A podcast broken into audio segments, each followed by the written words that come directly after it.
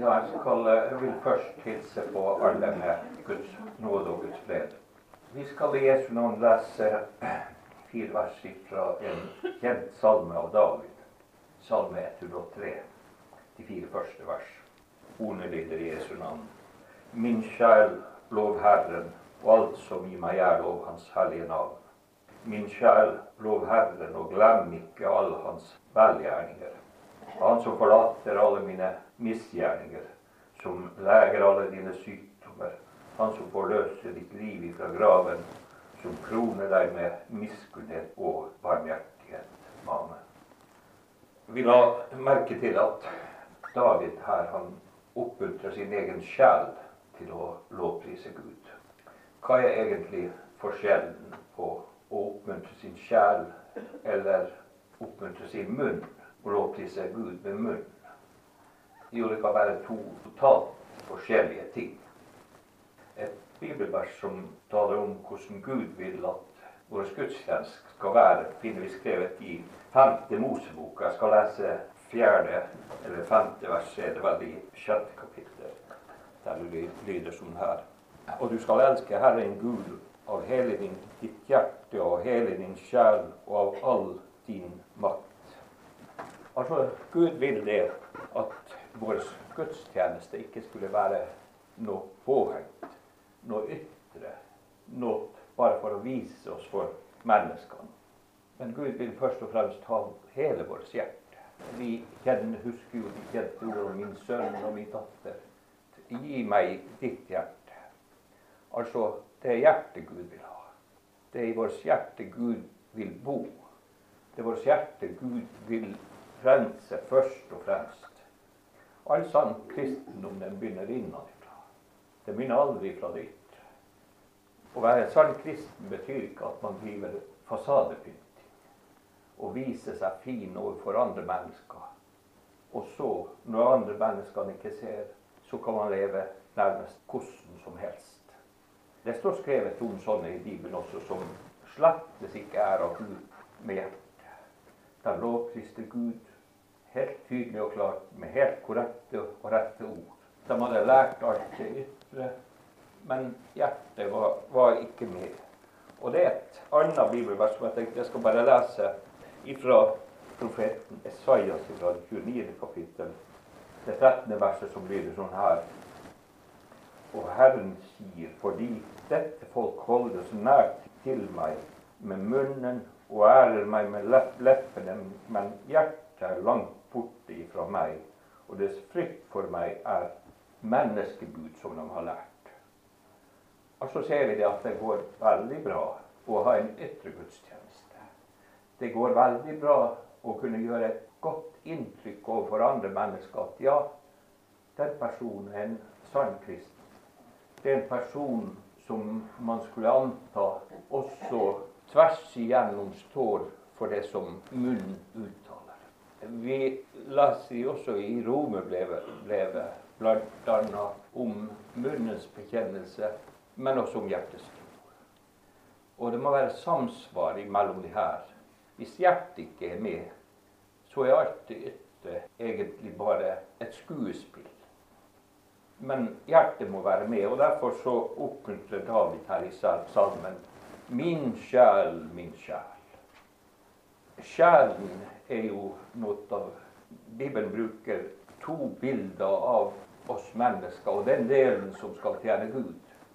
Sjelen, som det her nevnes, som egentlig står for både hjerte og tanke og, og sinn. Men så, så, så bruker de også Guds, Guds ord menneskets ånd. Det er den delen som Gud har gitt inn i vårt hjerte den del som vi har fått når vi har blitt et krist, når vi har blitt et gjenfødt menneske, som profeten Jeremias bl.a. også skriver om den nye fødselen når Gud gir sin ånd i vårt hjerte, og når han gir oss et nytt hjerte. Det vil si når Gud skjenker Kristi hjertelag. Når Jesus og når Gud tar bolig i vårt hjerte. Det er da først som hjertet blir til et tempel til et hellig tempel i ånden, som Peter skriver om. I salmen her så påminner David først om for det første hvem Herren er. Herren er jo Han som har skapt alle ting. Han som troner der oppe i høyde.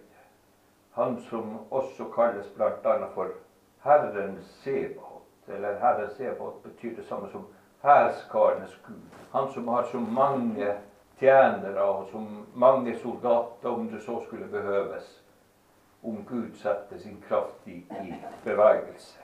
Og det ønsker nå David å vise for, for, først og fremst for sitt eget hjerte, men så vil han også vise det overfor forsamlingen, for han taler til hele forsamlingen. Ja, han taler til hele Israel, og han taler til hele verden om og viser hvem, hvem Herren da er. Og så løfter han mange velgjerninger som Gud har gjort imot ham. Det som skulle gjøre det at han skulle få et takknemlig sinn, et takknemlig hjerte. Vi leser bl.a. i Jakobs brev all god gave og all fullkommen gave kommer ovenfra fra, fra lysenes far. Det er ikke alle som har øyne til å se at det er Gud som gir alt godt. Noen tenker det er arbeidsorganisasjonene eller det er våre gode arbeidsgener som gjør at vi er så flinke og lykkes i livet, og som klarer å få så mye ut av pengene som vi har. Men egentlig er jo alt som vi får, det er Guds gave. Og om vi har øyne til å klare å se at alt er velsignelse, og uten Guds velsignelse så kan vi eie alt, men egentlig så kan vi være gjennomfattige, kan ha et tomt og meningsløst liv. Men så er det sånn at når man ser lille, eller hvor mye man enn har, som en Guds velsignelse, så, så ser man rikdommen på en helt annen måte. Det er liksom noe som Gud har gitt oss til lov. Lov Hans hellige navn. Min sjel, lov Herren. Og så sier han, glem ikke alle hans velgjerninger. Så begynner David her å liste opp alle de velgjørningene som Gud har, har gjort imot ham. Og det første av alt det er han tenkte på sin egen synd. På sine egen, egne misgjerninger. Alt det onde som David hadde gjort. Vi behøver ikke komme inn på det, men alle, alle oss husker jo hvordan han levde i forhold til Urias, som var gift med Batseba. Og først sørget han for at Urias skulle dø, sånn at han hadde frihet til å leve ut sine onde og, og, og syndige lyster. Og på den måten så falt han i, i synd med Batseba. Så fikk de et barn, og vi husker hvordan det gikk med det barnet. Det døde etter hvert. Og han forsøkte å, å tie. Han forsøkte å skjule sin misgjerning og sine synder. Det kan vi lese om bl.a. i Salme 32. Så lenge han tidde, sier David, så fortærtes hans ben hele tida. Det var som en stadig påminnet i han, det onde som han har gjort. Men så trodde han at han skal lykkes med å skjule det. Det var overhodet ikke mulig for, for, han å klare å skjule. For Gud påminte og påminte om den onde synd han hadde gjort. Men ikke bare den ene, men synd på synd på synd for å skjule liksom flere dager for å skjule sin egen ondskap. Og så husker vi at han møtte en Herres profet som heter Natan. Og Herrens profet han konfronterte David veldig tydelig. Og, og, så tok han jo den lignelsen om det fåret der. Det ene lammet som en hadde, og den andre hadde så mye. Så ville han ikke Han ville ta av det den ene hadde, i stedet for å ta av sine alt som han hadde da. Og Davids vrede tennes, og så sier han en mann som har gjort det, han er død. Så han har fortjent død. Det var en så stor urettferdig gjerning. Men nå husker vi at Nathan løfter frem de kjente ordene for han at 'du er mann'. Og så forteller han hva han har gjort. Og da så David For som sagt, det her var ikke ukjent for David. Men han spilte en fasade. Og den fasaden var at han var ren, han var hellig. Ingen kunne røre ved han derfor at han var en, en konge, en mektig mann som hadde all makt i alle fall der kom ikke der. Men så slo liksom Guds uh, sverd inn i, i, i samvittigheten hans. Og da kjenner han ærlig sin synd innenfor Gud. Og han red også av det. Og dermed så løfter også Gud han opp da som, som et forbilde for oss senere tidskristne. Og så løfter David her frem det store som Gud hadde gitt imot ham. Han som forlater alle dine misgjerninger. Og det gjelder selvfølgelig også han. Alle, han som løst leger deg fra alle sykdommer. En ting er at vi kan få synda forlatt når vi blir et Guds barn. Når vi får høre ordene om syndenes forlatelse i Jesu navn og blod, så får vi virkelig kjenne på at det er kraft i Jesu blod. Det er så stor kraft at det renser alle blodrøde synder, sånn at man blir ren liksom den hviteste sne, ja, som ull. Og alle de syndene tror man også, sånn som Bibelen vitner, at Gud senker dem ned i nåden. Bunnløse forlatelse, og som glemmer syndene med en evig tilgivelse. Her er den samme salmen som fortelles til om hvordan Gud tilgir synder. Og han sier at Gud flytter dem vekk når man tror syndes forlatelse. Så flytter Gud syndene så langt bort fra en synder som øst er fra vest. Og vi kjenner jo til det at vi er på den tida, tusen år før Jesus, så trodde jo alle menneskene, inklusiv de såkalte vitenskapsmenn, at jorda var flat.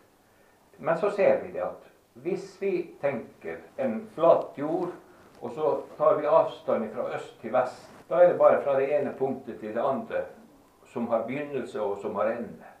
Men når jorda går rundt, så er det ingen ende fra øst og vest. Hele tida som man går øst, så blir det bare lengre og lengre avstand. Og med det vil Gud vise at når Gud virkelig tilgir, det viser Guds storhet hans nåde, hans barmhjertighet og langmodighet, så er det ikke noen mulighet for noen og nå de syndene som en gang er rensa ren i Jesu Kristi blod. Visst har vi fått oppleve og kjenne det. Det er liksom noe som plager, uansett om vi har fått høre tilgivelsen. Men så skal vi vite at det er den onde som frister. Det er han som vil plage. Men innenfor Gud, når Gud en gang har tilgitt, det er tilgitt med en evig forglemmelse. Og det ordet, det er nettopp det vi må, må tro på. Det vil nå tar vi vise oss frem her. Men det neste som kan være mer krevende å forstå, det er det som står at han som leger deg fra alle dine sykdommer. Vi har sikkert alle noen små sykdommer, og kanskje noen større sykdommer. Vi har kanskje bedt til Gud. Ja, kanskje noen av oss har vært til noen som har bedt for oss for at vi skal bli friske. Men allikevel så har vi ikke. Og sånn var det også med, med Paulus. Han hadde en torn i kjødet, og han slapp det aldri. Han måtte bære på de, den skavanken eller den svakheten eller den sykdommen som han hadde, inntil døden. Men så vil Gud vise at 'min nåde er deg nok'. For han viser det at når Gud gir sin nåde, så, så rekker det overalt. Men så skal vi vite det at når vi en gang dør, hvilke sykdommer og skavanker eller skrøpeligheter vi enn har hatt Her var nevnt Ton Lise som har sovna inn. Eller andre som vi kanskje har hatt. Som vi hadde et barn som var født med fire fingre. Når den en gang får en ny kropp, som er Jesu Kristi forklarelseslegeme lik, så er den fullkommen. Der fins ikke en halt, ikke en gammel, ikke en skrøpelighet, Ingen med noen skavanker i himmelen. Men det er da som vi får det nye legeme. Når ånd, sjel og legeme en gang blir forent i himmelen. Da blir det fullkomment. Og det er det jeg tror. Og sånn må vi tro det. At selv om vi ikke blir friske fra alle sykdommer her, så er vi først og fremst fri fra syndens sykdom, som vi leser om i Jesaja 53. kapittel. Men en gang når vi får den nye kroppen, som er Kristi legeme lik, da skal vi i alle fall bli kvitt alle sykdommer for tid og for evighet. Han som forløser ditt liv fra graven. Graven er jo mange ganger skremmende. I alle fall hvis man ikke er en kristen. I alle fall hvis man ikke har håp om et evig liv, så kan det være skremmende. Kald sted, ensomt sted blant de døde. Men så ser vi det at Gud er herre også over døden. Vi husker Jesus. Det fantes ingen døds makt eller krefter som kunne holde han igjen. Men Gud visste sin makt over Jesus, står det, når han oppreiste ham på den tredje dag. Og så står det sånn at den som tror på ham, sånn som Jesus sier til søstrene Martha og Maria Jeg vet at han skal oppstå, sier også Martha der. Sånn som Gud skal en gang opprise på den siste dag. For hadde også det evige livets håp om en evig oppstandelse. Men så sier Jesus at hver den som tror på ham, han skal leve om han enn dør. Og om han dør, så skal han dog leve. På samme måte som Jesus fikk et herlighetslegeme når han for opp til himmelen, på samme måte skal også vi få et herlighetslegeme som skal være Jesus Kristus lik. Derfor behøver ikke vi engang som Guds barn å frykte døden, som det her står skrevet. Han som forløser ditt liv fra døden. Det står bl.a. i Tessalonikerbrevet. Det var spørsmål om når de dør, som også var, var inne på her, da hvor går man da? Paulus han sier det sånn. Det var spørsmål om han skal leve inntil han får møte sine kristne venner igjen, eller om han blir tatt bort. Så håper han det for menighetens del, at han skulle få leve, sånn at han kunne få være sammen med dem og, og trøste. Men så sier han for han så skulle det være mye, mye bedre at han skulle få flytte hjem og være hjemme hos Herren. For det er mye, mye bedre. Man har forklart det spørsmålet som var oppe her, på den måten at det er godt å være en kristen. Her i tiden, når vi allerede her har fått navnet skrevet i livsens bok. Når vi allerede her har fått Guds ånd i våre hjerter som vitner med vår ånd at vi er Guds barn. Når vi allerede her har et håp om et evig liv hjemme i himmelen, så er det godt når vi ser at kroppen svikter og sykdommen inntar, så vet vi at vi har en bolig gjort rede hos Gud, som ikke er gjort av, av noen mennesker. Så på den måten at hvis vi får flytte hjem til Herren, så er det mye bedre enn å være her. Men så er det sånn det at om vi kan lese bl.a. i Daniels 12. kapittel, så står det sånn at han skulle gå bort og hvile inntil tidenes ende så skulle han vek vekkes opp. Og Jesus han sier jo også sånn at når han kommer igjen med alle himmelens engler på himmelens skyer, da skal med pydende røst rope han til alle som er i graven. Sånn som han ropte til Lasarus, at kom ut. Og kristne der i Tessalonika, de var uvisst på For Jesus skulle rykke dem opp i skyen, står det. Men skal det skje før de døde blir reist opp? Nei, skriver Paulus, det at de kommer ingenlunde til å komme forut for de, for de døde. Først skal de døde i Kristus reises opp og komme ut av graven. Og deretter, så sier Paulus det, skal alle vis, de som da lever når Jesus andre ganger kommer hjem, rykkes opp i skyen og så løftes opp til den evige himmelen der det skal være en, en evig himmel og salighet. Altså betyr det at vi kan tenke oss sånn at det er tre steder. Det ene er å leve her på jord med sine synder forlatt som et Guds barn med fred i hjertet og være beredt for himmel og salighet. Det andre er når vi dør. Så får vi hvile i Abrahamsskjøtet. Et godt sted der Jesus også sier til røveren da Sannelig, i dag skal du være med meg i paradis. Det er liksom ventestedet som er for himmelen, et godt sted å være. Der man venter på, som Bibelen forteller også, på de rettferdiges oppstandelse. Og så er det sånn at den siste dagen, når vi skal rykkes opp, så skal vi få et nytt legeme som er Kristi lik. Altså det vil si, Jesus på Golgata han kom altså for hele mennesket. Vi består av for det første legeme, hender, føtter. Vi får et nytt legeme. Så er det den åndelige delen som blir Jesu forklarelseslegeme. Og så får vi, når ånd, sjel og legeme forenes hjemme hos Gud i den herlige himmelen, det er da som det alt blir fullkomment. Så står det her Han som kroner deg med miskunnhet og med barmhjertighet. Vi får påminne oss om de første ord i salmen. Min sjel, min sjel, lov Herren.